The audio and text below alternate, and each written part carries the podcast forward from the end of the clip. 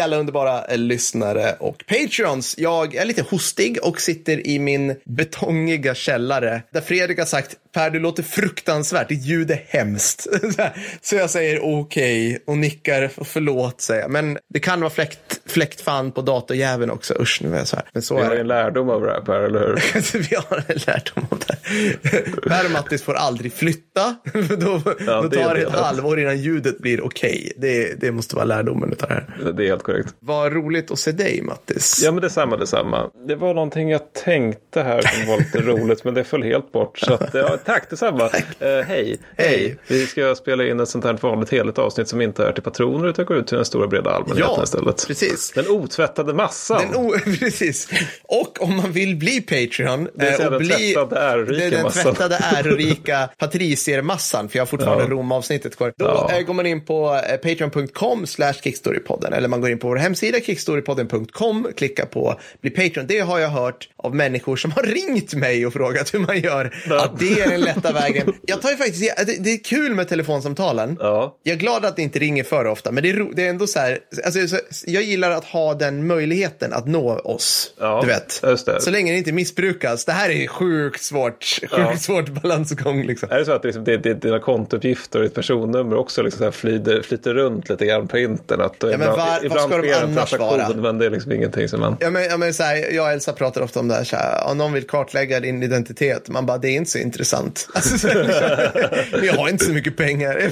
Så här, vad, vad, liksom, vad ska ni göra? Alltså, ja, det går, det går att få fram ett personnummer och liksom. Men det är mer så här liksom att någon ska höra av sig och säga hej, jag är en kryptostrateg. Jag vill prata med dig om NFTs eller något sånt där. Oh my det- god. Jag, jag träffade en kille i helgen som Ja. på riktigt får lön i NFT-er. Ja, det där är en helt annan fråga. Det känns skakigt skulle jag säga. Men ja, Det känns sjukt skakigt. Vi har ett avsnitt att spela in nu. Våra vi. patreons, de får ibland stå ut med det här raljerandet, men vi ska vara preussiskt ninjiga. Ja. Först en sak, först har vi shoutouts och Ja. en sak om shoutouts. Ja. Från och med nu, nådens år 2022, den 29 augusti, så kommer vi börja, vad ska vi säga? Vi, kommer, vi måste börja sålla mer. Ja. Vi kommer börja säga nej till shoutouts. vi kommer börja säga det. Och Jag är ledsen, ni är Ja. jättesöta och ni är jättefina. Men det är framförallt det att det är väldigt många som, och jag tänker faktiskt vara lite ärlig och transparent här. Det är väldigt många som vill hälsa till varandra. Mm. Och det gör vi gärna. Men just sen vi började göra många hälsningar till andra så har det här växt till ett monster. Ja, ja. Den som undrar vad jag menar bör lyssna på avsnitt 81. Det vill säga ett avsnitt där vi alltså var sponsrade av ett bolag och det är kanske sju, åtta shoutouts sådär. Och jag menar jag Mm. Ja. fattar också. Jag tycker också det är en trevlig grej. Men vi måste liksom, för att det här inte ska liksom äta upp på det som ändå är den huvudsakliga programidén. Det vill säga att vi ska sitta och liksom blaja om krigshistoria. Mm. Och inte bli liksom en timme med bara shoutouts. Så må, måste vi tråkigt nog liksom skära ner det lite grann. Ja. Du kommer börja säga nej nu. Det, det är tråkigt nog. Det kommer vi börja göra. Så alla ni som tänker sig att skicka in grejer efter den 29 augusti. Vi kommer säga blankt nej, men vi Mm. Nej. kommer vara mycket, mycket mer restriktiva. Så då förstår ni varför. För att på riktigt, alltså jag har min dyskalkyli som surrar i bakhuvudet. Och jag, vi har ett, alltså Jesus Christ, vi har ett Excel-dokument som jag får panik över kopplat till shoutouts. Så har du att, det. eh, Ett Excel-dokument som heter shoutouts. Ja, hur, ja, men fan vad ni är populära. Ja, men okej, det finns ett problem med det också då, om vi säger så. Speciellt när man är Per Wallin och vi är alla till lags. Ja. Mm. Så vi börjar och vi har en, alltså det, som sagt, ni är ju så himla fina. Nicke Det här är ju H. paradexempel på en shoutout man inte säger nej till. Nej, det här går ju inte. Nicke H, en, en fader, han vill ge en shoutout till sin son Wilhelm som fyllde 10 år den 4 juli och som kämpar med sin diabetes. Han eh, fnissar åt KP. Fortsätt kämpa Wilhelm. Ja. Verkligen. Ja, kämpa. Man kry, kryar man på sig. Man, man liksom lär sig hantera det. Jag tror snarare det. Ja, Ja. Mm, yes. Ja, nej, men sen så var det då från Josefin Molander som vill hälsa sin Fredrik Fov Olsson att han är bäst och att hon älskar honom mer än Konrad älskade Gina. De lyssnar tydligen på ett avsnitt tillsammans varje kväll, vilket jag tycker är typ det raraste jag någonsin har talas om som har riktats mot oss. Sitter de och håller hand Ja. i så här varsin korgstol. Häller upp en kanna te. Ja, ja, men det måste de göra. ja, vad fantastiskt. Ja, ja Rickard Polnäs, han vill ge en shout-out till sin, inom citationstecken, vän, kollega och skolkamrat, Viktor, är det då egentligen din ärkefiende Viktor? Eller varför är det här citationstecknet? Nej, det är för att jag citerade det rakt av när jag la in det här Ja, i vår återigen Excel-dokument. Ser ni? Vi kan inte hantera våra Excel-dokument. Nej, Det går inte. inte, det går Mattis och jag kommunicerar inte. Vi kommunicerar via Excel till stor del. Ja, det, ja exakt. Faktiskt. Förlåt. Det är... Klipp allt. Viktor, klipp allt. Viktor, din vän och kollega och skolkamrat Rickard Polnäs vill ge dig en shoutout. Ja. Det var nämligen du som introducerade honom till KP. Eh, Du är saknad och eh, önskas lycka till i dina framtida ansträngningar. Hörni, kanske det viktigaste ni någonsin hört i år. Mattis, sitter du still? Jag sitter still. Nu börjar, har börjat, förlåt, nu, nu har nomineringen till Guldpodden börjat. Ja, I år ska vi vinna, för annars blir Fredrik ledsen. vi kom ju femma förra året som årets podd. Ja, vi kom svinnära. Nu, nu tar vi hem det här tycker jag. Ja, det tycker jag. Annars kommer Fredrik gå ledsen i ett år igen och bara så här slocka runt som typ Pablo Escobar-memen. Och det vill vi inte vara med om. plata o plomo. Nej, Nu går ni in på guldpodden.se och nominerar oss till bästa podd. Ja, och vi utlovar som alltid guld och gröna skogar. Det är lite osäkert vad vi utlovar om vi vinner, men vi- någonting får ni. Ja, precis. Exakt så. Och de kategorier som man kan nominera oss i är Årets podd, Dokumentärpodd och Årets klippare. Och det är ju Fredrik som nomineras då, så att, och det tycker Ja. han är väl förtjänt. Verkligen. Alltså det, ni anar inte hur mycket trams han klipper bort. Han förtjänar, förstå, förstå ni som förstår hur mycket, hur mycket sladdrigt, Ja. hur mycket hets mot folkgrupp som jag säger som han klipper bort, vilket är helt fantastiskt. hur mycket deppighet som Matti spyr ut. Nej. Så det kommer bli fantastiskt. Guldpodden.se så tar vi hem det här i år. Det ska bli skitkul. Ja. Vad ska vi snacka om? Vi ska, vi ska prata, det är nästan som att vi ska bara börja bita tag i en sån här military.com-artikel om så här, the best generals ever. Och vi ska, försöka, vi ska vara helt oironiska på det. Vi ska, Oh my God! alltså, vi ska inte, som vår vana trogen är, prata om trattiga saker. Nej, nej. För det är sånt som säljer. Alltså det är som nyhetslogiken. Liksom. Vi tar saker som är dåligt. Utan vi ska prata om folk som, ja, men som man borde känna till för att de är bra. Ja, liksom. som är, alltså, vi ska prata om, enligt, eh, det var en av våra patroner som frågade om vi kunde göra detta och detta sa vi ja till. Mm. Just. Generaler som är var så pass bra som det påstås. Ja, ja. Så vi ska prata om sjukt jävla begåvade Ja, människor. jag vet. För det är i grund och botten det det handlar om. Ja. Det, det, det, det, vi har som sagt, vi skulle ju försöka vara lite disciplinerade men jag bara tänkte på det lite grann. Att, alltså, om man tänker sig som jag ofta brukar göra, det här med liksom den filmiska idén, Mm. populärkulturella idén om vad som är en general. Då är ju det ganska ofta någonting från Dr. Strangelove. you ought to see it sometime. It's a sight. A big plane like a 52. Vroom! It's jet exhaust frying chickens in the barnyard.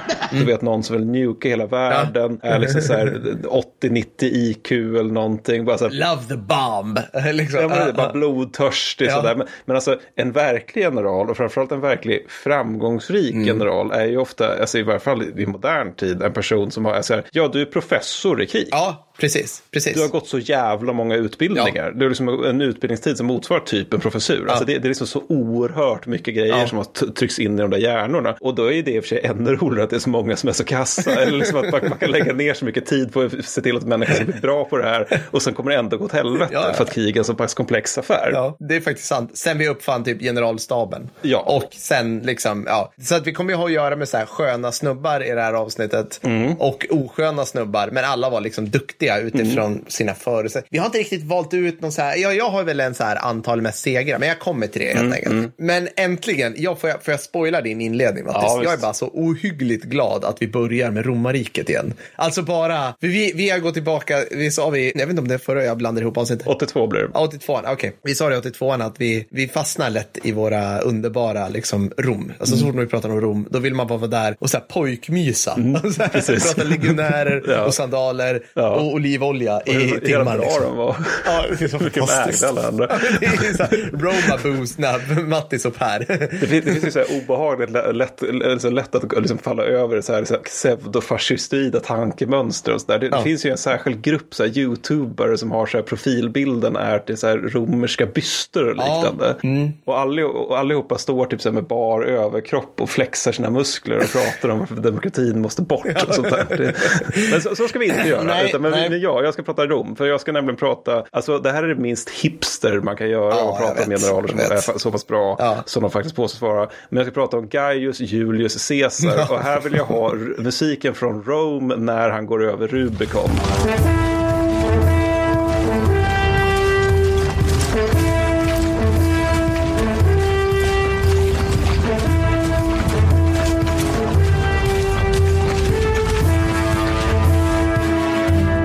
För den är är bra scen, bra scen. Varför Caesar då? Ja. Jo, det är en ganska enkel orsak till det. För att han är förmodligen en av de bästa jävla generalerna någonsin överhuvudtaget i världshistorien. Och det här också, om du jämför med de här moderna mördarprofessorerna som jag snackade om tidigare.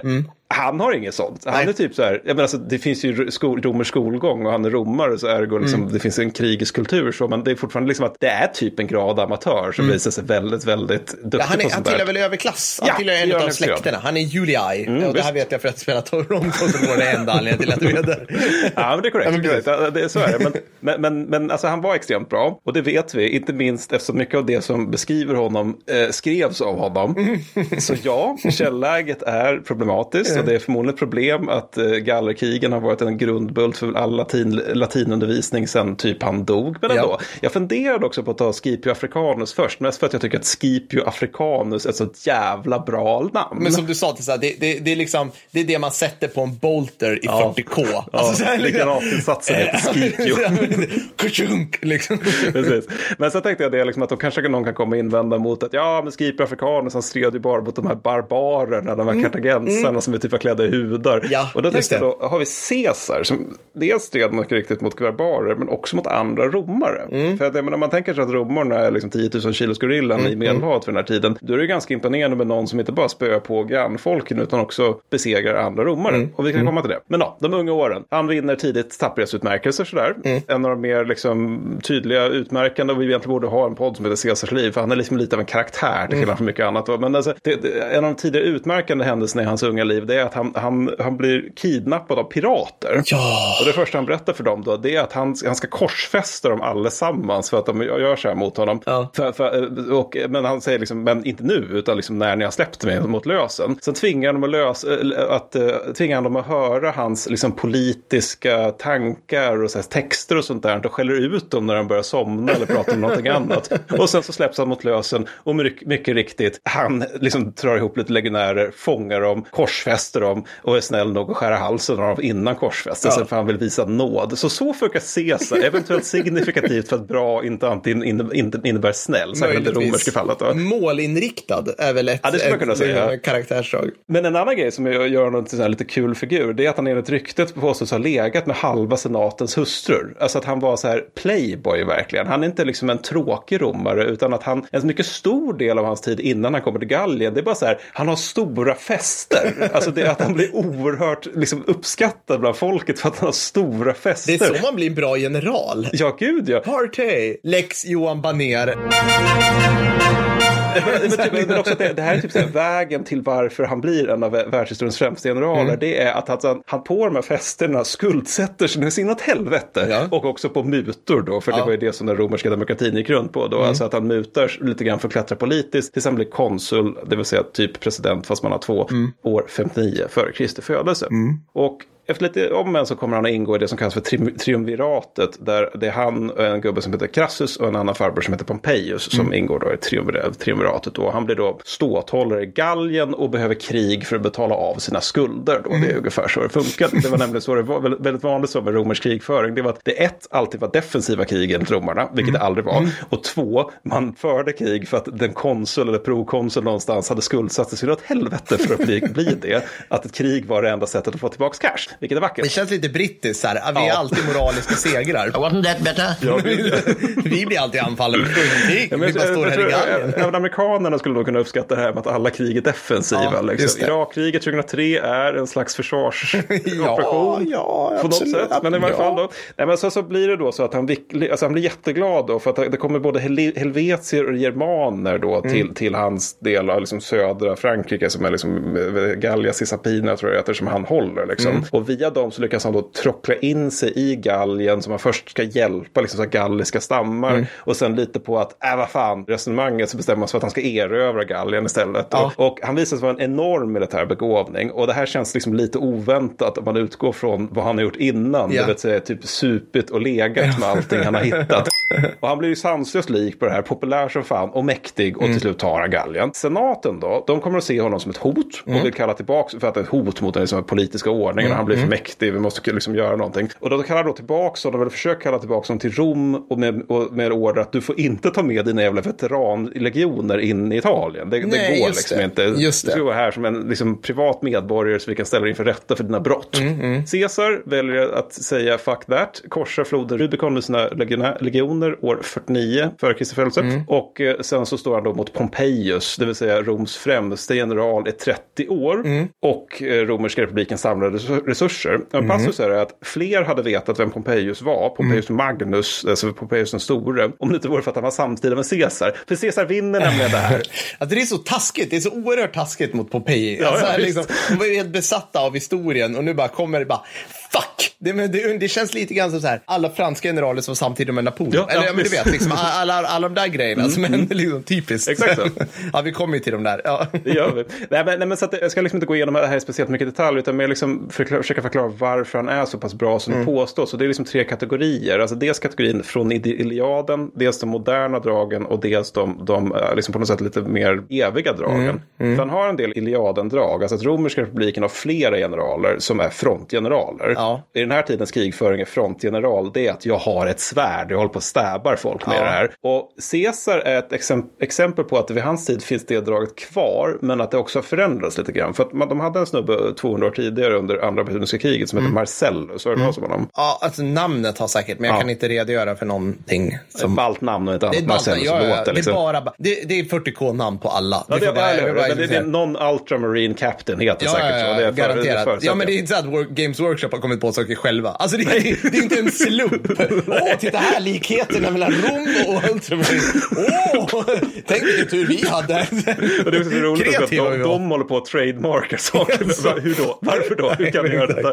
Men det var så att han- Marcellus då, han kallades bland annat också för Roms svärd, vilket Mm. är ganska passande. För att en av de grejer som gjorde honom känd, det var att han i en envig dödade en gallerkung i egenskap av general för en romersk armé. Mycket och han bra. stupade i strid mot, jag vill minnas, numidiska krigare. så att alltså, det är en typ av romersk Ja, general. ja. Och Caesar, han är väldigt noga med att han ska vara nära sina legionärer. Mm, alltså det, det, det är en del av hans ledarskap, att han ska finnas där och uppmuntra dem och sådär. Och han håller tal till dem inför bataljer. Och det han beskriver för övrigt där ganska ofta i gallerkrigen och inbördeskriget. Men, och det man tror är då att han gick från legion till legion och typ skrek på dem. Liksom. Mm. Det låter väldigt konstigt att han skulle samla ihop liksom, så här 40 000 man eller något åt det hållet. Bara, Kamrater! Hör ni där bak? Det är liksom inte så troligt. Men och inför till exempel det här stora slaget mot Helvetien då, så skickar han en väldigt tydlig, för det är hans första slag som, som han anför. Liksom. Då är han väldigt tydlig med att han inför sina legionärer skickar sin egen häst bakåt. Och för att visa att jag kan inte rida därifrån. Alltså, jag är också i fara. Jag kommer stå här som det kollapsar, då dör jag, Jag också. tror de gör det i Braveheart. Nej,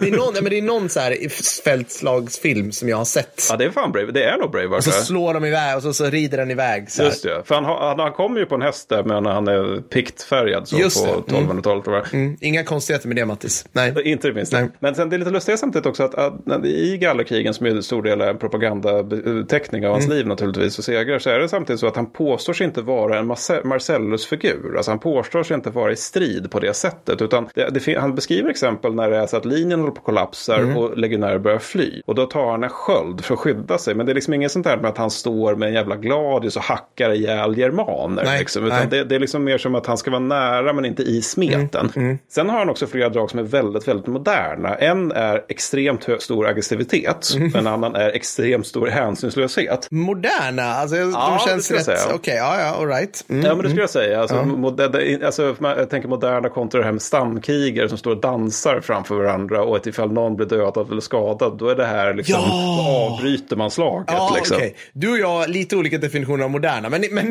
du pratar Ja, men antiken, alltså, så att jag moderna fattar. på, på, på du säger, tänker andra världskriget sätt, alltså att en flyende, flyende fiende får pansar i ryggen Ja, och sen ja. så blir förlusterna väldigt, väldigt höga för den flyende fienden. Ja, men du har aldrig sett totala kriget. Alltså, det är som man, ja, jag köper det fullständigt. Mycket bra. Mm. Men, eh, som exempel på det först nämnde också det här med aggress- aggressiviteten. Det, det är då alltså att han inte låter sådana skit som vinter eller mörker hejda anfall och motanfall. Mm. Vilket är exceptionellt för den här tiden. För i regel är det så att man slåss inte på natten innan bildförstärkare. Det är liksom, man vill inte göra det. Men nu är det så att han har ganska disciplinerade legioner så att det funkar. Det var lite mysigare på den tiden skulle jag vilja säga. Alltså mörker, åh. Eh, ja. ja, men de tror att det är troll i mörkret. Och han slår hela tiden mot, mot fienden och för att behålla initiativet och kan ofta improvisera ang- angrepp utifrån en väldigt en liksom trådtunn logistik. Så att det finns även liksom så här lite vagt tyska honom på det sättet. Men sen också sånt här som att när han ska invadera Italien då i början av inbördeskriget då skickar han först plainclothes-legionärer som får ta städer. Ah, clever girl. Ah, Vilket shit känns jävligt alltså. SF. Och mycket också sådär med att han kan jobba på de inre linjerna. Vilket jag tror är ganska få. Alltså, såhär, man tänker sig Tannenberg. Det, det är liksom, alla möpare känner till att oh, tyskarna jobbar på inre linjer där. De åkte tåg mellan en rysk armé och en annan. Operational art. Operational Art. Julius Caesar, han hade en pompeiansk armé i Spanien. Ja. Och sen så hade han Pompejus i Grekland. Ja. Och då jobbade han på den inre linjen Medelhavet. där han först ägde den där armén i Spanien och sen åkte över och spöade upp Pompejus. På antiken. Ja, på antiken. Utan moderna kommunikationsmedel. Liksom. Mm. Ja, Ja. Men han, han Ja. sa någonting i stil med jag ska, strida, eh, jag ska först strida mot en armé utan en general och sedan mot en general utan en armé. Då med hänvisning till hela det här draget. Då. Just det. Men sen de lite mer eviga dragen det är ju då att han, han, alltså, han känner sina soldater. Och det tror jag, tycker jag är ett ganska bra tecken, ganska evigt tecken på en duktig härförare. Mm. Att man lär känna manskapet, att man, man vet vilka de är. Och, sånt där. och han prisar dem också konstant i gallerkrigen. Han tar hela tiden upp liksom, sällsynt tappra centurioner Mm. och legionärer. Inte fullt så ofta, alltså högre officerarna, men, men framförallt manskapet är han väldigt noggrann med liksom, så att de sticker ut. Så, så under någon batalj mot germaner så är det liksom att han liksom går in i smeten och ropar till enskilda centurioner vid namn för att liksom du där Gaius, du där Vorhinus, nu, nu snurrar jag från Rome tv-serien Ja, där. kör. Liksom, för, för att de ska veta liksom, att han kan se deras dåd där men också naturligtvis dela faran. Och han är också manipulativ, manipulativ i positiv bemärkelse. Att det, det är något annat batalj inför, mot just germaner då, där, hans, där ingen centurion vill. Liksom. De bara, nej pojkarna, inte germanerna, Nej, de är nej. Svinstora, de är jätteläskiga, de låter mycket, de luktar konstigt. Och då är det liksom så här att han då håller tal för centurionerna och tribunerna och bara, ja nej, men okej, då får jag väl gå själv då. Och de bara, ja gör det, bra, vi syns på andra sidan, vi kommer inte hänga på. Men jag vet att eh, manskap från tionde legionen, de kommer följa mig. Ja. Var på de i tionde bara, Mm, just det, så bra är vi. Men så var då fan vi är också bra.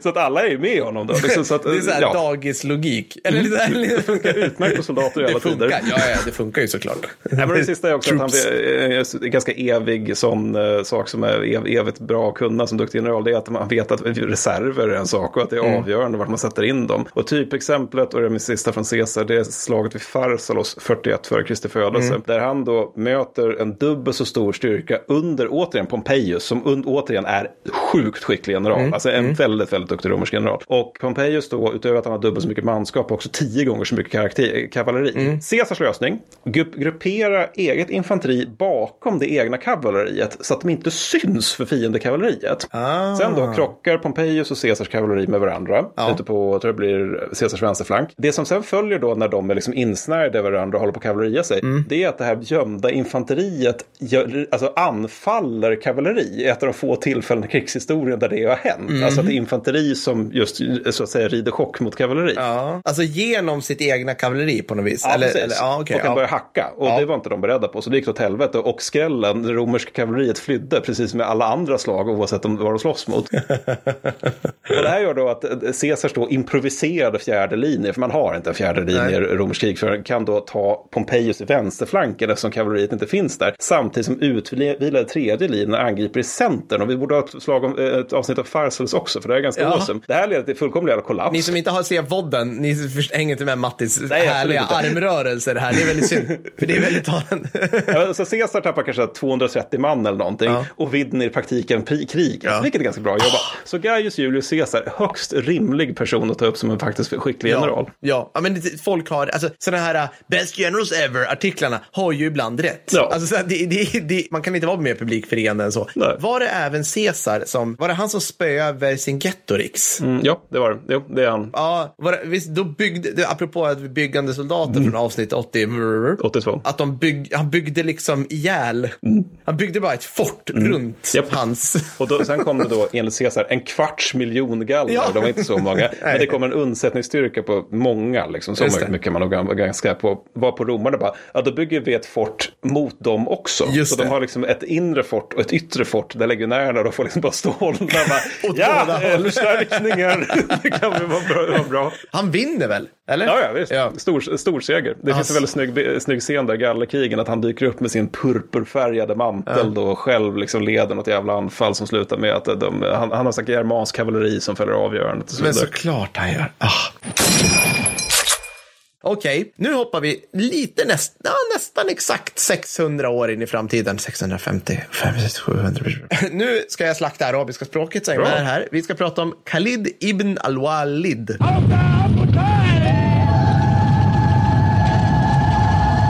Vi slaktar inte så ofta arabiska språket. Det var Nej. kul, kul att få göra det. Den här snubben känner ni inte till, så det här blir hipstrigt som satan. Alltså på riktigt, Mattis, så måste vi prata lite mer någon gång om så här tidiga muslimska erövringarna. Ge den gärna. Alltså där Khalid sticker ut skulle man kunna säga. Alltså, Okej, det här är 600-talet efter Kristus. Vi har Roms arvtagare, det bysantiska imperiet, öst Österrom. Inte kattskit Nej. på den här tiden. Nej. De hänger runt i Levanten som är en bördig, tätt befolkad, grönskande del av världen och har varit civilisation i 5000 år. Deras gränsland är mot Sassanid-imperiet, det vill säga perserna, återigen som har varit en civilisation i så här pff, många år innan. Och som du har hyllat i, i avsnitt 43 tror jag. Ja, mm, det ska ni lyssna på. Perserna, oh shit alltså, jag tror min fredagsartikel kommer handla om dem. Och söder om dem så har de sagt så här, mm, alltså det är sand och typ några oklara nomadfolk med jätter. Mm. Därifrån så dyker Khalid, som visar sig vara den tredje mest framgångsrika generalen i historien upp.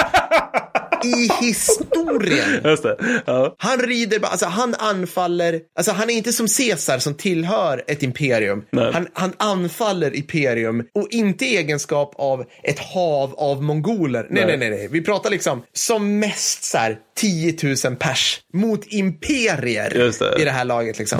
Insikt var ett imperie, det vill säga Bysans, har förmåga att projicera makt till Nordafrika och Ja, södra Italien ja. när andan faller på. Ja, men liksom, och, och det är också så här, vi, kom, vi, tar, vi, vi tar lite bakgrund på den här karln. Han är aristokrat från en fin, fin, fin klan nere i Saudiarabien. Alltså, och det här är ju då såklart, det alla varit med nu, det här är ju under profeten Muhammeds tid. Vad, vad gör han? vad gör han? Vad är hans första möte med Muhammed, tror du Mattis? Eh, eh, eh, Att Mohammed tycker att han ska bli muslim, antar jag. Eh, nej, Nej. hans första möte med Muhammed det är att han spöar Muhammed i ett fältslag. Okej. Det är Khalids högerflank av kavalleri som stormar runt någon, någon liten klipphäll och liksom köttar upp i, alltså han skändar den muslimska armén på det här som är då, och muslimska armén är här, det är ju liksom Mohammeds klan plus några till liksom. Och jag antar att det är liksom ganska låg nivå på vapenteknologin. Där. Alltså att det, det, det är liksom inte riktigt truppslag så, utan att det är liksom krigare mer som möter Eller? Ja, jag tror det. är Det, det är min uppfattning. Alltså det, det, det finns, det är ju en slags civilisation det här, men den är extremt nomadisk. Och det här klan som sagt, jag, jag, jag skulle gissa att det mest liksom, det är typ skickliga hästmänniskor som Ja, kan så, ja, allt. mm. Och sen har de infanteri också, som inte är kattskit. Vi kommer till det också. Jag tror de, de blir ju bättre och bättre, Mm. helt enkelt. Ja, som sagt. Så att han anfaller här. Rolig början då, liksom. Han, han hatade verkligen Mohammed. och så piska, som sagt, och piskade honom då, som jag sa, vid slaget vid Uhud 625. Så jag antar att för att, för att han skulle sluta tjata om den här nya religionen han hade uppfunnit. Mohammed blev svårt sårad, ska Ja, tilläggas till det här slaget. Ja. Det man måste tänka på det här det är att han, eftersom han spöade dem så visste han ju efter den här tidpunkten exakt vilka svagheter som den muslimska herren hade. Precis som du var inne på att Caesar spöade romare, Mm. så spöade ju liksom Khalid sina egna. Alltså han liksom, aha, vi är inte bra på det där, men vi är jäkligt så, du vet. Och det här, sen bara två år senare, av oklar anledning, kanske att Mohammed höll på att liksom vinna eller något sånt där, så konverterade Khalid till islam. Ja, ja. Sen följer, sen liksom säger han så här, ja, jag är din general, Jag anar en pragmatisk man där. Ja, jag tänkte komma till det. Alltså, jag, tror, jag tror liksom här, om man läser vad han gjorde sen så är det inte så här, åh herregud, han brann för den här religionen. Utan det var mer så här, ja men Mohammed verkar väl vara okej då. Jag, jag tar tillbaka det här, han håller på att vinna. Det kan vara bra att ha någon sån här, du vet, munlädersnubbe med. Alltså, Mm. sådär, liksom, jag vill ju bara kriga. Så att Mohammed bara, åh Khalid, du är min ängel. Nu ska vi prata om... Khalid bara, kan jag bara få gå och spöa andra klaner nu? Och Mohammed bara, ja det går bra. Och så nu följer liksom ett, alltså fem, sex år enligt liksom formen, ett gäng inspektioner så här, hövding slash krigsherre Y förenar i geografiskt område A.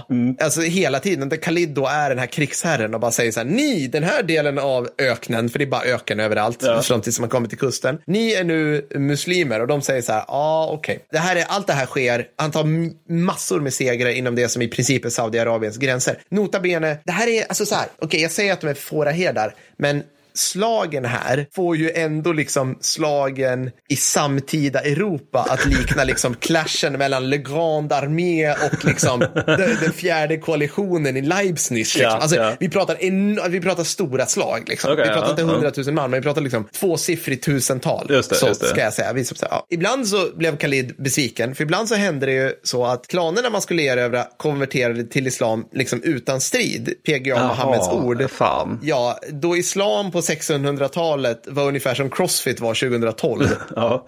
Lätt trendigt. Ja. Eh, Folk hoppar på den här flugan Ja. rätt lätt. Ja. Liksom. Så, att, så att det gick fort. Så helt plötsligt så var det så här, fuck, vi har, vi har tagit hela Saudiarabien. Och Khalid var typ så här, vad gör jag nu? Och vid det här laget hade Mohammed dött. Och Det, det låter inget bra, för jag tycker det låter lite grann som att han är hjärnan i den här operationen, att Khalid mer är musklerna så, att, eller... Eh, Mohammed, Ja, tänker du? ja. ja, ja, alltså det här är någonting jag, skulle, jag ska läsa mer om, men det är så här, för, du vet, hade vi läst alla andra historier om så här random persisk krigsherre, Mm. eller du vet, någon, någon så här germansk, och den ledaren dör, den karismatiska enande ledaren dör, då ska ju allt falla. Ja, visst. Liksom, Ja, om mm. du inte är mongoler och liksom, ja, jag vet Ja, inte. det följer ju ändå liksom efter typ tre generationer eller någonting. så Ja, att, exakt, precis. Men här faller det inte och det är liksom Mohammed har inga barn Nej. som man liksom, alltså som automat. Så att det blir en snubbe som heter Abu Bakr som är liksom utpekad av Mohammed, tror jag, som blir liksom kalif då, Mm. kungen. Och han, han hinner liksom, man kan säga så här, hans arbetsrelation till Khalid är lätt ansträngd. Khalid gör såna här grejer som att typ så här, du vet, ramla över någon klan som redan har konverterat, men på grund av någon språkförbistring så hugger Khalid huvudet av allihopa. Just det. Du alltså sådana där saker Ja, liksom. jobbig underställd liksom. Ja, precis. En av de här, en av slagen som, vi kan bara ta upp en av många segrar, är ju slaget vid Busaka 632. Då spöar Khalids 6000 man en armé som är mer än fem gånger så stor. Just det, det är ganska bra. Ja, ja, och det är roligt också att efter han har spöat en klan här borta, Ja. då kan det vara så att den andra klanen har hoppat av islam som han precis har spöat. Då måste han åka tillbaka. Så att, så att han är jävligt, alltså han är, han är i farten, det kan jag verkligen säga. Men han ser väl så som positivt antar jag, att de, de har hoppat av. Vad bra, jag får fler att slåss Jag tror med. han älskar det här. Jag, tror, jag tycker det här är time of his life. Sen kommer då hans, hans rätt kära på för han får typ slut på Saudiarabier att Okej, nacka ja. eller konvertera eller någonting. Då tycker han så här, jag invaderar Irak, då tillhörande Sassanid-imperiet. Han invaderar Irak med tusen pers. Ett tusen individer. Det är lite. Han vinner. Det, det är osannolikt. det är högst osannolikt. Så han rider på, alltså det, det, det är ju normalt, så han rider liksom runt och slår liksom åttor runt de utposterna. Och det är liksom inga små städer, men de faller som korthus på något vis. Ja, för, för att det, alltså Sestifon och de där städerna, de är väl så här att det är typ så här 100 000 människor som lever. Alltså de, de är väl liksom jätte, jättestora för den här tiden. Ja, men liksom, han är väl på väg, jag vet inte om han når ända upp till Babylon eller, eller Bagdad eller alltså där, centrala Irak riktigt. Men han är ju helt, han är liksom nere i Basra och plockar ibland som ett jävla pärlband. Hur som haver. Så att han, han fick inte riktigt en order av att invadera Nej, Irak. nej, nej. Men du vet, han så. tolkade det, ja men jag hade det där. Khalid fick feeling. Ja, precis. Efter Irak är liksom Khalid en stigande stjärna och på väg mot legendstatus inom liksom den muslimska communityn. Då kommer han på att, vänta tag nu, Syrien finns, som då tillhör Östrom, som då är liksom ännu mer civiliserad, uppbyggd och befäst än Ja, Irak, just typ den här tiden. Det är bara enda problemet. Det finns faktiskt en ordentlig öken mellan Irak och Syrien. Mm. Och han gör då en återigen legendomspunnen ökenvandring som beroende på källorna, because det här är inte Rom, det här är 600-talet Ja. i så här mummel-mummel-områden när det gäller att föra liksom, vad heter det, skriven, skriven anteckningar. Förvaltning. Ja, precis. Så tog han antingen, han gjorde en kärv ökenvandring ska vi säga. Ja. Och ramlade in från ett håll då som östromarna tänkte, what the fuck kommer han ifrån ungefär? Då gör han någonting som du var inne på, det här med riktiga städer, belägringen av Damaskus. Just det, det är en riktig stad. Ja, det är en riktig riktig, stad. Källäget osäkert som du brukar säga. Ja. Eh, Det här är väldigt mycket hashtag osäkert källäge. Antingen så förhandlade Khalid till sig stadens kapitulation. Tråkig förklaring tycker jag. Mm. Jag vill säga att den inte stämmer. Eller så stormade han murarna vid östra porten. vi tar den. jag tycker vi tar den Det låter förklaringen. precis som en linje med karaktären. Ja, jag tycker det också. Härmed förkunnar Kickstory-podden att det var så det gick till. Ja. Får jag bara göra en reflektion? Han har ju verkligen den här tv-spelsutvecklingen också. Ja, alltså exakt. Att han börjar med ganska lätt motstånd i form av olika så här, oklara nomadfolk. Sen tar han mellanbossen i form av sassaniderna och sen sista bossen Östrom. Ja, ja, och vi kommer, jag, jag, ska, jag ska försöka sn- snabba på här, vi kommer nu egentligen till det mest feta. Så att, men hur som helst, att, han, att sta- staden föll till muslimerna, det är lite grann som att, som att ett gäng arga kosacker på 1800-talet skulle typ ta Moskva. Alltså. Mm. alltså Damaskus är liksom, när man skriver så här, och sen kom man till Damaskus, då vet man nu är det slut. Mm. Alltså det är en fet, det är liksom, det är typ där, alltså nu, nu var Herakleius, tror jag är, Östroms kejsare, hette, han var i Antioch som är liksom staden, jag tror det ligger norr om Damaskus. Men liksom man är, det är kejsarstäder. Det är, liksom, det. Det, är en, en otroligt rik provins till imperiet. Hur som helst, nu börjar liksom Östrom ta muslimerna och framförallt Khalid då på allvar. Ja. Khalid är för övrigt inne på sin andra kalif som sitter kvar i Riyadh eller något sånt här Mecka. Nej, Mecka måste det vara. Som heter Uma, typ. Jaha. Och säger så här, Khalid, behöver du hjälp? Han bara skickar bara folk. Okej Khalid, vi fixar det. Och de skickar folk. Och så kommer vi till slaget vid Jarmuk. Det här är augusti 1636. Obs! Alltså Khalid har inte ens varit igång i tio år vid det här laget. Han är redan inne på att typ så här, ta, slå sitt andra imperium. Jesus. Ah, här manglar Khalid en riktig bysantisk armé av oklar storlek, men vi kommer till som uppskattningar. Som, alltså, det, det är ditskickade typ postlegionärer som är där. Det är inte några så här provinsförband, så här framstampade miliser av galileer. Det här är Roms arvtagare Det här är Roms. Arvtagare. Alltså, alltså, det här kejsarens öga vakar över det här. Liksom. Det kan vara, apropå storleken på slag i de här delarna av världen kontra Europa. Ja. det kan vara så mycket som 40 000 muslimer mot, mot 70 000 kristna. Eller ja, kristna. Ja. kristna och araber. Och så. Ja, men. Det, var, det här är liksom, om man, i Europa vid den här tiden, då var liksom, eh, arméer var massiva och så här, kungadömeserövrande om det var så här, en kung och 150 av hans smocka gossar till häst. Då var det så här, nu tar vi östra England. Så här, Upp, liksom. uppfiskat bondesuppror bakom sig. Så man, man måste Ja, man men precis. styr ett bondeuppror mindre. Ja, ja men typ, alltså det är så jäkla... Så, den massiva bysantiska armén pressade de muslimska flankerna bakåt, för de, de stod på vanlig slagordning, alltså egentligen speglade varandra. De, det här är också roligt, de pressade flankerna bakåt med att bara boomrusha, så att till den milda grad att många av de muslimska soldaterna flydde tillbaka till deras basecamp som låg liksom mitt bakom. Där väntade ursinniga fruar med tältpinnar och med liksom smädelser och pikar så tvingar de tillbaka sina karar till armén. Det här är så roligt när det händer. För Det här är så ganska, fantastiskt. det här är en ganska vanlig grej vill jag påpeka. Ja, alltså det man, jag har också hört det tidigare, men jag bara, vad kul! och det här hände flera gånger. Det var flera gånger de försökte fly och bara, ja men... Vi vill inte Maria, dö. eller vad kallar hon det? Jag heter inte Maria. Jag, vet, jag, kan, jag kommer inte på ett enda av flickorna. Amina, Amina. Amina, tack. Kan jag inte bara, kan jag inte få vila en stund? Jag orkar inte bli sant med svinomgång. Hon bara, nej! Allah, ser dig! Och petar tillbaka honom. Okej, ja. Springer han tillbaka och fortsätter slåss. Men alltså, de får ju samma funktion som Triaria gjorde i romerska. Ja. De skulle stå längst bak och liksom ha spjutväggen man Ja. inte flyr in i. Ja, men liksom, och ka- kanske ka- kalla dem så här fega kräk. Du får aldrig ligga med mig om du flyr från bysanterna. De ska bara skända. Ja. Nej, ja, I varje fall, det funkar ju svinbra. Slaget blir, alltså, sen är det så här, det coola här tycker jag, det är att, vad ska man säga, det är inte liksom en avgörande taktisk grej som Khalid gör. För att slaget, de är så många, de håller på i fem dagar. Jävlar. Utan, mm, utan det är konstant där att Khalid med så små men pricksäkra truppförflyttningar, anfall och tillbakadragningar håller bysanterna stången. Och till slut med liksom utmattade bysanter på ena sidan och sämre ledarskap i den bysantiska armén, för det var bysantiskt ledarskap. ja, så visar sig liksom Khalids ledarskap i allmänhet och muslimernas nivå av samövning i synnerhet. Det liksom knäcker motståndet. Men när den där armén knäcks, då knäcks den brutalt. Och liksom, det finns eh, liksom rapporter på att bysanterna förlorade så många som 40 000 stupade. Alltså, vi pratar slaget vid Lund-nivå av förluster och många liksom jagas ner i raviner och sådana här, alltså sjuka grejer. Liksom. Kul fakta för övrigt. Muslimerna hade särskilda envig-kämpar i ett eget förband. Så du kunde liksom, jag vill gå med i armén, bra, du ser stor ut. Är du bra med ett svärd? Ja, men jag är bra med ett svärd. Då ska du ingå i de här äh, amorerna tror jag, eller moderna eller något så här. Det du ska göra, det är att du ska gå ut framför vår armé när vi är uppställda och utmana deras, deras kämpar på envig. Och Det här var typ rätt vanligt i den här delen av världen Ja, på alltså, den här tiden. Det, det hände ju faktiskt exakt det vid just slaget vid Lund. Ja, det gjorde det. Fast tusen år senare. Det, det var ju en, en svensk kapten tror jag var. Nej fel, han det var en kapten som blev utmanad av en dansk. Men det var en estnisk officer av lägre grad då, som tog den utmaningen och dräpte det säga, Tuborg-trollet han hade mot sig. Det er ikke stærke, det er lyst. Øh. Lyst!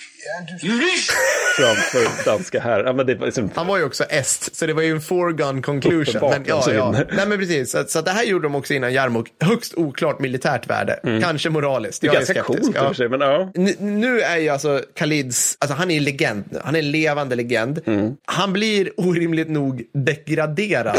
Eller rimligt nog. Alltså för kalifen vill ju inte att han ska överglänsa honom. Nej. Alltså han är på väg upp liksom mot Mohammeds nivåer utav storslagenhet i sina soldaters ögon. Så han, men liksom han blir degraderad, blir kanske kejsur en stund, men fortsätter ändå att äga fullständigt under operationer i norra Syrien och på andra ställen. Han är med när, bland annat när Jerusalem faller 638. Men alltså han degraderar, vi pratar liksom från fyrstjärnig general till tre Ah, okej, eller tvåstjärnig. mm. Det, det är liksom inte att du, du blir liksom inte slav. Nej. I varje fall, till slut så sparkar kalifen Umar Khalid. Det kan vara så här, kanske på grund av att han delade ut krigsbyte till gamla polare istället för till typ svält. Alltså återigen, det här med att han konverterade till islam. Ja. Äh, alltså så här, han, han ändrar inget beteende. Nej, alltså, så här, han är precis samma så här, geniala stamhövdingskrigare som han var in. Det är liksom, Fast nu han får bara fightas. under. Ja, ja. Ja, väldigt mycket fler liksom. Det kan vara dels det, eller dels på grund av att hela den muslimska armén vid det här laget avgudar honom och anser att han är en gud. Mm. Där, om, om du som lyssnare är förvirrad, så tänk MacArthurs självbild fast sann. Just det. Men också om, om, för den som inte hänger med, det här med islam är ju en ganska viktig del av det hela, att det finns ingen annan gud än Gud just. Nej, nej, typ precis. Första delen. Så. Ja, ja det, det är relativt, så att man får inte sticka upp för mycket. Han dör någon gång efter det här och mausoleumet finns i Homs i dagens Syrien. Så Ja, det, det är ja. Khalid, jag är imponerad. Jag är bara imponerad liksom. Alltså, jag hade ju aldrig talat om den här karln, så jag, jag tyckte det här var väldigt intressant. Alltså, tredje mest, jag tror de tre största enligt Wiki är den du ska ta. Nej, det är nej, inte- eh, nej, det är Nappe och eh, Wellington, Wellington. jag. Och jag tycker Mm. inte Wellington räknas för som nappe. För det var ju så här liksom slogs mot några franska kompanier i spanska magsåret. Jag vet inte. Nej, jag vet inte heller. I och för sig min anglofobi här som, som, som Ja, är inverkar på. lite- Nej, men alltså, det, det är väldigt intressant med de här tidiga mus- muslimska erövringarna. För jag vet ingenting om dem. Nej, man vet, man har ingen aning. Annat än att de- de gick jävligt snabbt och, Ja. och, och över mycket, mycket stor yta. Ja, och men liksom att, att, att, eh, jag är så sjukt imponerad av momentumet höll igång. För det var liksom inte, alltså Khalid vann ju de flesta sina segrar, Mm. men han var ju bara en general och det fanns ju så otroligt mycket annat som hände. Och som jag sa så var det så här, ja, nu, nu, det, det var som att spela Total War, alltså nu, nu blev Rebellions där, men Mm. det har vi precis pacificerat. Ah, fuck, då måste vi åka tillbaka. Så det, var hela tiden liksom fram och tillbaka och fixa och dona och fixa. Liksom. Skitsvårt. Coin på 600-talet. Ja men verkligen liksom. Och hur fan skulle här, skicka en brevkamel liksom till Khalid som är i Irak? Nu, ja, vet inte. Men det var hett, som Det sagt. var jävligt lätt.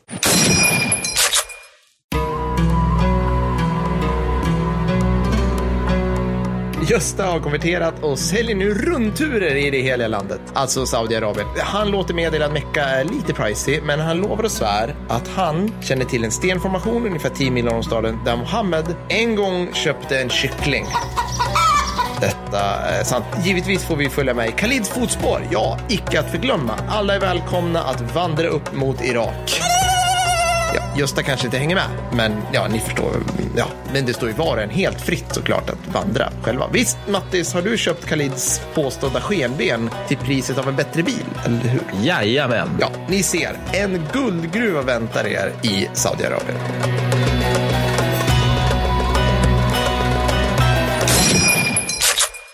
Okej, men då ska jag ta med an min andra då. Och det är ingen mindre än Heinz Guderian då. Och här vill jag ha tyska soundtracket från Blitzkrieg. Alltså det klassiska PC-spelet från när vi var små. Just det. Jag lovar att det kommer komma någon som bara, jag har sett en YouTube-klipp där de säger att Guderian var inget bra. Han, för att, det, det, är det här liksom, alltså att Guderian, ja, han har blivit överskattad, inte minst av sig själv. Mm. Eftersom man läser Achtung Panzer så framställer han sig själv som ännu mycket bättre än vad han redan var. Ja. Men det betyder inte att han var dålig, utan tvärtom var han jävligt bra. Ja. Född 1888, strider som sambandsofficer i första världskriget, in, på intet sätt remarkabel tjänstgöring. Nej. Sen ett Freikorps är där och härjar i Östeuropa Mm. i olika ganska obehagliga förband och blir 1927 chef för Truppenamts Mm. avdelning för transportfrågor. Även chef för de motoriserade transportförbandens taktikutbildning. Mycket bra. Det här är väldigt grått, men det är ganska viktigt för vem Guderian är, så vad man associerar Guderian med. Och för den som undrar vad Truppenamt är, så är det, alltså Versaillesfördraget säger, Tyskland, ni får fan inte ha en jävla generalstab. Det är lätt ett problem att ni har en sån.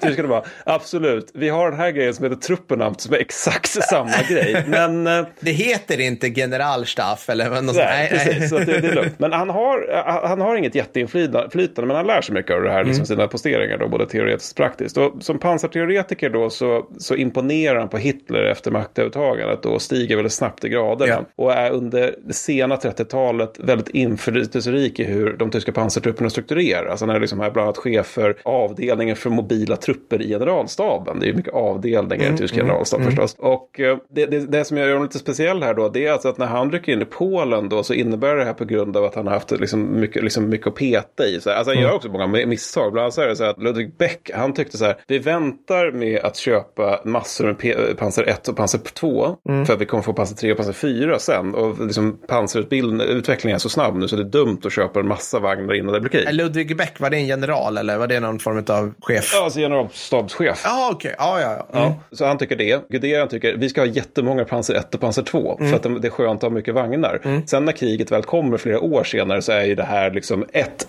i också, liksom max en utbildningsvagn, två bara en lådbil. Liksom. Men Så att han gör misstag också ska tilläggas. Men ändå, när han rycker in i Polen så anför han liksom i praktiken förband där han själv i stort fått bestämma hur förbandet har utformats. Och det är nog smått unikt. Lyxigt, skulle jag säga. Ja, och det, det, är nog, det, det är nog oerhört ovanligt i moderna krig skulle jag säga. Men, men, eh, men sen också, ty, liksom man ska bara ta en så här generell grej som i och för sig är ganska typiskt tysk för den här tiden. Det är att han betonade att chefen ska vara nära striden på grund av det här med stridens kaos. Alltså att man, man kan inte sitta och fjärrstyra då. Och minst lika viktigt betonar också behovet av tvåvågs, tvåvägsradio inom pansartrupperna. Vilket man inte gjorde i Frankrike eller Sovjetunionen. Nej, nej. men ja, nej, men så att, äh, han är med i Polen då där han för 19 kåren. Men det som är egentligen den stora grejen så här i början av kriget det är att han är han för samma kår, 19 kåren i Frankrike då, 1940. Och då är det då alltså att det är sju av tio tyska pansardivisioner som är koncentrerade mot Sedan vid eh, floden Mös. Och Guderian har då tre av de här då. Och tyskarna är generellt fortfarande lite oroliga, lite nippriga sådär angående sitt pansarvapen. För de har ju liksom inte prövat det så mycket utöver i Polen. Nej. Så sålunda lite försiktig är planen när det gäller anfallen mot, eh, anfallet mot Sudan. Mm. Guderians omdöme, omdöme om detta, fett fjantigt tycker han. varför han snabbt börjar modda planen då medan han genomför den. Ah, jag har en trend här bland våra generaler att vara lite så här egen, egna. Okej. Nej, men så, nej, men så att han, han, han, alltså guidelines liksom. Den, den typen av... Ja, jo, jo, nej, men, lite så. Lite så. Men, nej, men så att han får liksom, till exempel lyckas han få liksom flygstridskraften att anfalla länge snarare än allt på en gång. Mm. Och tanken med det här då, det är att om de anfaller länge över tid så, det är att det nedhåller fransmännen då, vilket Ja. gör att Guderian kan ta sig över Mös med sin pansarkår då. Och tanken är då att nu Guderian trycker de uppåt, nu ska du liksom upprätta ett brohuvud här. Mm. Nu ska du ha ett brohuvud. Guderian, han nu börjar, börjar nu citat tolka slut citat sina instruktioner Ja. som att bro, brohuvudet ska bli allt större än det där brohuvudet har börjat liksom mutera till ett anfall då, som bara sig bra. djupare Ja, i Frankrike. ja. Då så får han order, eh, 15 maj får han order om att eh, nu får du göra halt här, Mm. nu, nu får du lugna ner dig lite grann. Varpå han blir helt vansinnig, tjatar till sig till anfallsdygn Mm. och utnyttjar det här för att anfalla så snabbt som möjligt västerut så Mm. att han bara, som han bara kan. Och därför de, eh, den 17, till den 17 maj så har han då tagit sig 120 kilometer, vilket är hyfsat bra anfallstempo på två dygn. Nej, men, eh, så, så att, eh, då, nu är han då liksom eh, 100 kilometer från kanalkursen nordkusten. Det är ganska bra för honom att vara det. Mm. Ja. Då får han höra, nu måste du lugna ner dig, vi måste se över våra flanker, vi måste se Ja. till att logistiken Ja. hänger med och sådär. Han bara, jag tänker säga upp mig om ni inte skärper er. och då är grejen också att det förmodligen är Hitler som alltid som håller på och nojar över att det går lite för snabbt Ja, med den här ja. Mm, utvecklingen. Då jag liksom, måste få känna in den lite mer, mitt konstnärsjag måste få känna in måste utvecklingen. mysa lite en stund här, jag och Eva och prata om det här. precis. Liksom. Det kan gå för fort liksom. Mm. Exakt. Men då lyckas han då mygla till sig tillstånd om att han ska vara stridsspana. Mm. Han får inte flytta sin stabsplats, men han får stridsspana med sina förband. Då. Väldigt härlig luddig uppgift om du är kårchef, stridsspana. ja, och det här utnämner då för att skicka sina pansardivisioner då i vild karriär mot väster. Ja, Då. ja. Och de här får då order om att de helt ska övergå till trådburen kommunikation. Och det här är då för att dölja för den tyska ledningen vad som sker. För att om man kör på radio då kan ju de höra det. Men om vi bara drar en massa kablar efter oss då kan inte de plocka upp det. Då kan vi bara fortsätta mot kanalkusten. Så 20 maj är hans pansardivision framme vid kanalkusten. Och med det är så här en miljon allierade soldater helt plötsligt inringade. ja, ja, precis. Så Guderian, rätt bra bidrag till Frankrikes fall. Ja. Så. Ja. Sen bara lite snabbt om Sovjetunionen och här är liksom bara, bara så här. Jag tänker så här, och som vi tog upp i avsnitt 83 så när det gäller rysk framryckningstempo i Donbass i juli. Mm. Ja. Där de ligger på 300 meter Ja. per dag. Ja. Nu vill jag att vi håller det här i bakhuvudet. Ja. huvudet där. Och sen 300 vill jag också att vi meter per dag. Ja, 300 meter. Sen vill jag också att vi alla tänker Operation of Art Deep Battle Maskerovka när det gäller rysk krigskonst. Då. Another victory, Commander. För att Guderian i Sovjetunionen, han har då pansargrupp 2 under sig. En del av armégrupp mitt. Och jag kommer inte detaljer här för det gjorde vi i Stora Östfrontspodden. Han är alltså 450 kilometer in i Sovjetunionen efter sex dagars strider. Ja. Det är 75 kilometer per dag. Ja. Det är ganska bra. Mot väpnat motstånd. Ja. I lådbilar delvis. På Ja. 40-talet. Ja, precis. Med tysk logistik i ryggen. Med tysk logistik i ryggen. På grusvägar. Mm. Till 16 juli, Ja. vilket är alltså efter ungefär tre veckors krig, då är han två tredjedel av sträckan till Moskva. Ja. Så det, det är liksom väldigt mycket snälla Heinzer här.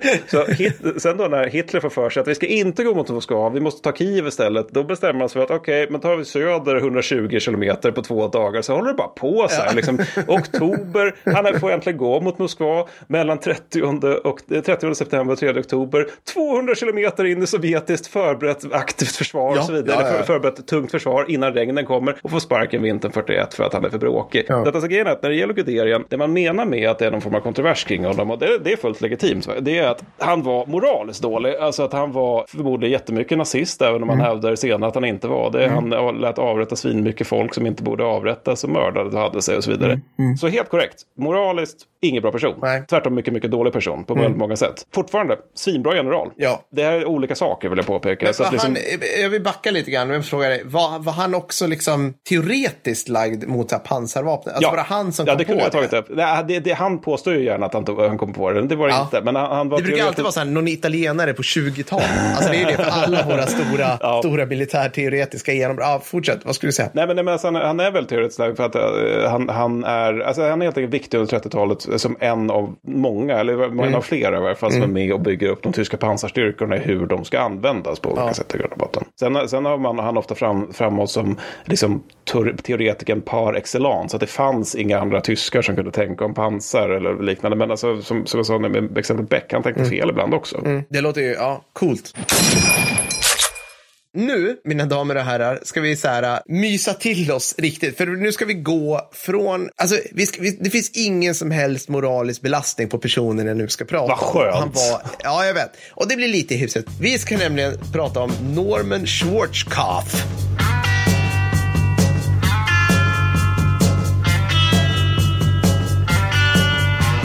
Det mest amerikanska sen Apple Pie. Thank you very much. Defender of freedom. Du, du. Nej men helt ärligt. Det, det här, okej. Så att ni vet när det liksom, det, det go, alltså typ så här, Försvarsmakten la upp en artikel och då är det liksom generalstabschefen Mark Milley som är lite joint chief of stabs eller du vet, commander Europe, någon så här trestjärnig general så här, som dyker upp i bild och de ser så här, de ser ofelbart så här köttiga ut i huvudet, alltså det är som att du har skruvat på dem med en bit fläskkarré på axlarna. Och så så här, det är ingen, de är bara liksom, de de är bara så korvar, de ser ut som Joe Rogan allihopa liksom. Mm. Han är, han är liksom målbilden. Alla de där generalerna som går runt nu Mm. på sina tre, fyra stjärnor och allt det där. De har, liksom, de har någon gång tittat på så här, fan om jag kunde bli lika grym som Schwarzkopf. Liksom. Alltså han, han är på ett, på ett sätt, liksom, man, kan, man kan titta på generalerna under andra världskriget, men det är liksom så speciell tid Mm. också. Det är liksom, jag ska inte säga för modern, men de är liksom 1800-talets män. Mm. Ja. Och sen, men du har dem och de gör storartade saker. Och sen har du alltså, Korea, Vietnam. Vietnam. Åh, ingen, jag tror ingen general bara, åh, Westmoreland, så här, honom. Utan, Eh, utan det är... Särskilt inte han, men ja. Nej, nej, precis. Utan det är ju Schwarzkopf som, som är liksom en, alltså en idol, skulle jag vilja säga, för dagens amerikanska generaler, om de inte har något annat. Och vad är då grejen med honom? Jo, han är son till en general.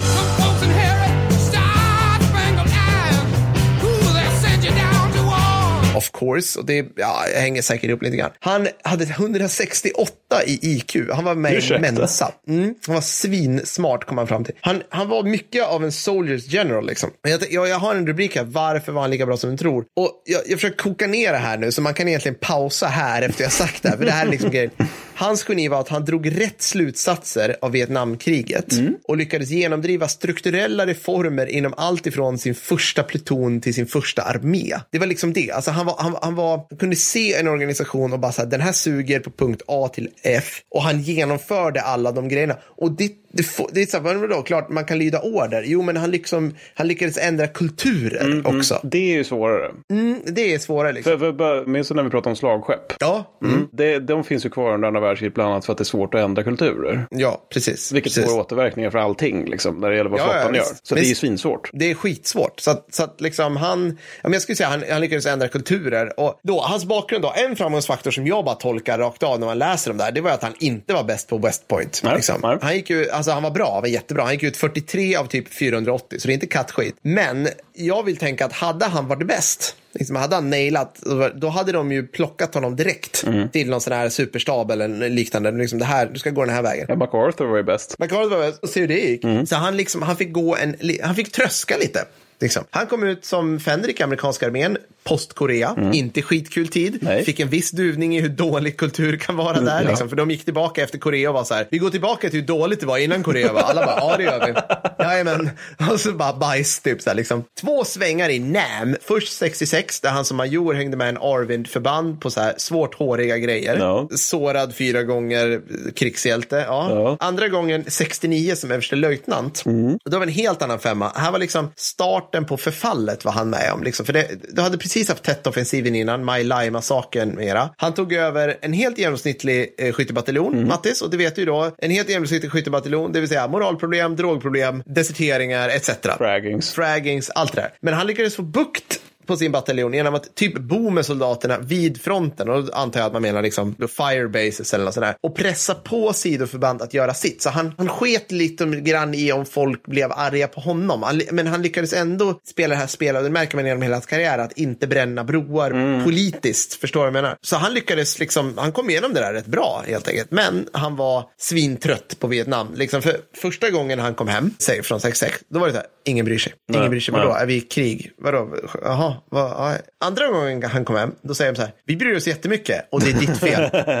Just det. Just det. så han var lite trött. Så här. Ja, men det kan man förstå. Ja. Ja, men han har beskrivit att det här var en brytpunkt. Han var, på, han var jättenära att lämna armén på grund av fucking Vietnam plus ut, usel veteranhantering när han kom hem. Och då hade han gått i pension eller gjort något annat som överstelöjtnant. Det är inte roligt. Nej, men han beslöt sig för att vara kvar och försöka förbättra organisationen inifrån. Och här är liksom en lärdom han drog av hela Vietnam. Det var så här, aldrig, aldrig, aldrig någonsin skicka in förband en och en, alltså piecemeal som de säger på, på engelska, liksom, styckvis mata, eh, mata elden, liksom, för då kommer de besegras styckvis, utan det ska vara överväldigande styrka från dag ett. Det håller ner förlusterna. Sen, det var liksom det första. Det andra var liksom att han vill ha tydliga politiska mål med kriget. Det är kul i intervjuer när man ser med honom och de frågar så här, oh, what do you think about the body count method? Han bara, man får liksom en pågående stroke där. Liksom. Han bara, nej, det var sådär. Liksom. Det, det, det där är ju en grej vi borde göra avsnitt om också. Varför amerikaner förlorar krig trots att ingen egentligen kan besegra dem i krig. Mm. För där, det där är ju typ typ det otydliga Ja. politiska mål. Det är Ja, därför de har precis. torskat i Afghanistan och i Vietnam. Ja, ja, visst. Nej, men han, är ju,